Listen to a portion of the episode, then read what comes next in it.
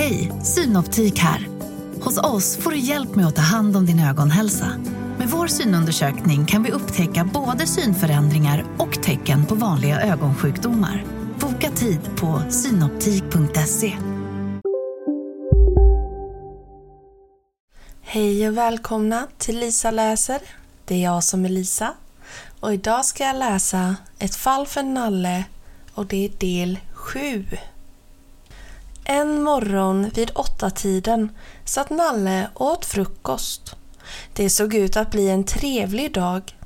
Solen sken, rönnbären lyste röda och chokladen smakade precis lagom mycket choklad. Nalle suckade belåtet. Idag skulle han stänga deckarbyrån och ta sig en ledig dag. En dag på sjön med metspöt sitta och stirra på ett flöte som gungar på vattnet i solblänket och så rätt som det är. Då ringde telefonen. Nalle torkade sig om nosen och gick för att svara. Hallå? Nalle här. Det här är Nalles deckarbyrå. Nalle har stängt för semester idag. Var god lämna ett meddelande när jag säger pip. Pip! Äh, lägg av Nalle, hördes en röst i telefonen. Jag hör att du är där. Pip, sa Nalle. Pip, pip, pip. Sluta Nalle, det är från polisen. Pi... Polisen? sa Nalle förvånat. Ja, just det. Från polisen. Det är konstapel Klang som talar. Vi har ett toppjobb åt dig. Ett eh, förbaskat knivigt fall faktiskt. Vad då för fall? frågade Nalle med något av en iver i rösten. Topphemligt Nalle. Inga kommentarer för tillfället. Men du ska genast ge dig av till Kungliga slottet. Kung Karl Ivar och drottning Hildegard väntar på dig där. Okej, jag kommer. Eh, ska bara dricka upp min choklad. Ja, det låter bra, sa konstapel Klang kort. Lycka till Nalle och adjö. Nalle återvände till sin frukost. När chokladen var urdrucken torkade han sig extra noggrant om nosen, tog på sig ryggsäcken och gav sig iväg till slottet. Fin dag, tänkte Nalle, där han traskade fram på vägen. Synd bara att det jämt är jobb på gång. Verkar som om hela världen är full förfall för Nalle. Det här verkar i alla fall vara ett riktigt toppjobb, funderade han vidare. Kungen och drottningen sitter visst på många miljoner, efter vad jag har hört. Kanske kan det bli tal om en riktigt stor belöning den här gången kommer antagligen att räcka till den där röda cykeln. Jag borde förresten haft den nu.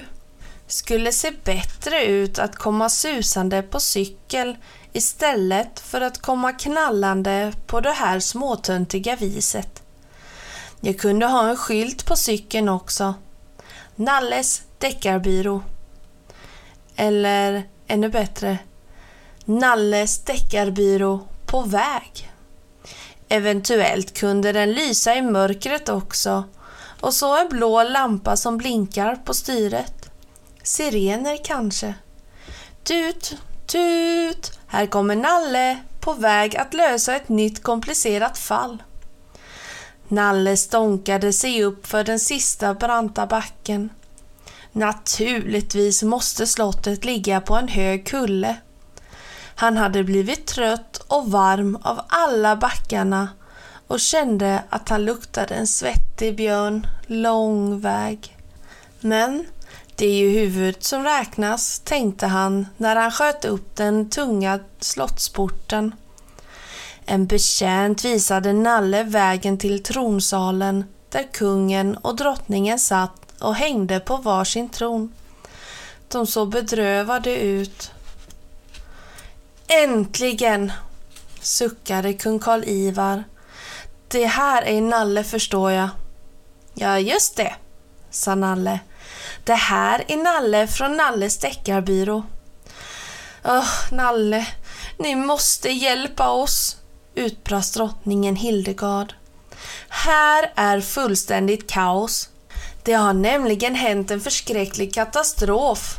Ja, en förfärlig kalamitet.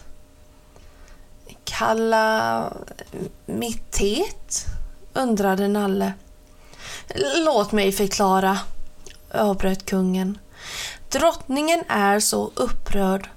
Saken är den att prinsessan Filippas krona är försvunnen och vi misstänker att den blivit stulen. Nalle funderade ett ögonblick. Jaha, eh, på det viset, brummade han. Får man fråga om, eh, om den är mycket värd? Det är av oskattbart värde, utropade drottning Hildegard. Den är av äkta guld med platinakrokanter och diamantchignonger. Det är ett arvegods ända från drottning Victorias tid. Det är en katastrof, en... Just det, kronan är ovärderlig, avbröt kung Karl Ivar. Dessutom var den vår lilla prinsessas käraste ägodel. Vår enda lilla prinsessa. När eh, hände det? frågade Nalle och satte sig bekvämt till rätta i en ganska obekväm fåtölj. I torsdags. Drottningen kvävde en snyftning. Prinsessan Filippa vistades i parken efter sin ridlektion. Hon hade, bara för ett ögonblick, lagt kronan på en bänk och gått för att, för att kissa bakom en buske och när hon återvände var kronan fullkomligt bortkommen. Försvunnen alltså, rättade kungen. Troligen stulen. Eh, några misstänkta? frågade Nalle och drog fram ett anteckningsblock och en penna ur sin ryggsäck. Ingen var i närheten, svarade kungen. Ryttmästare Lejonklo hade fört hästen till stallet. All övrig personal sysslade med att tillaga vår middag.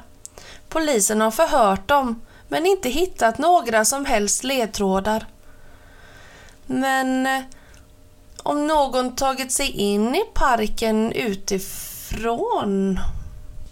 Framkastade Nalle. Omöjligt, svarade kungen kort. Parken är omgiven av en hög mur med låsta portar och en djup vallgrav utanför. Nalle kliade sig i huvudet med pennan. Ja, det var ett knivigt fall vill jag lova. Men eh, det ska nog gå att lösa. Får man bara fråga om eh, någon belöning kan komma i fråga? Till den som hittar kronan alltså? Ja, naturligtvis, suckade kungen. Det blir 300 kronor till den som kan lösa fallet. Nalle räknade i huvudet. 300 och så de 74 han hade i burken hemma plus 7 kronor för honungsburkarna som Astor fick i måndags. Nu skulle han snart ha sin cykel som i en liten ask. Kan jag få träffa prinsessan? frågade Nalle. Hon är där ute i parken. Drottning pekade. Och hon är otröstlig. Nalle gick ut i parken. I en gunga som var fäst i en stor ek gungade prinsessan Filippa av och an medan hon sjöng högt för sig själv. Otröstlig, tänkte Nalle. Mm, hon låter inte precis otröstlig. Snarare rätt så glad. Prinsessan slutade gunga och tystnade när Nalle kom fram till henne. God dag prinsessa, sa han artigt. Jag är Nalle från Nalles deckarbyrå. Det gäller den bortkomna prinsesskronan. Kronan? Prinsessan Filippa stirrade oförstående på Nalle. Vilken krona? Vad snackar du om egentligen? Ja, visst ja, kronan ja. Hon slog händerna för ansiktet och började snyfta.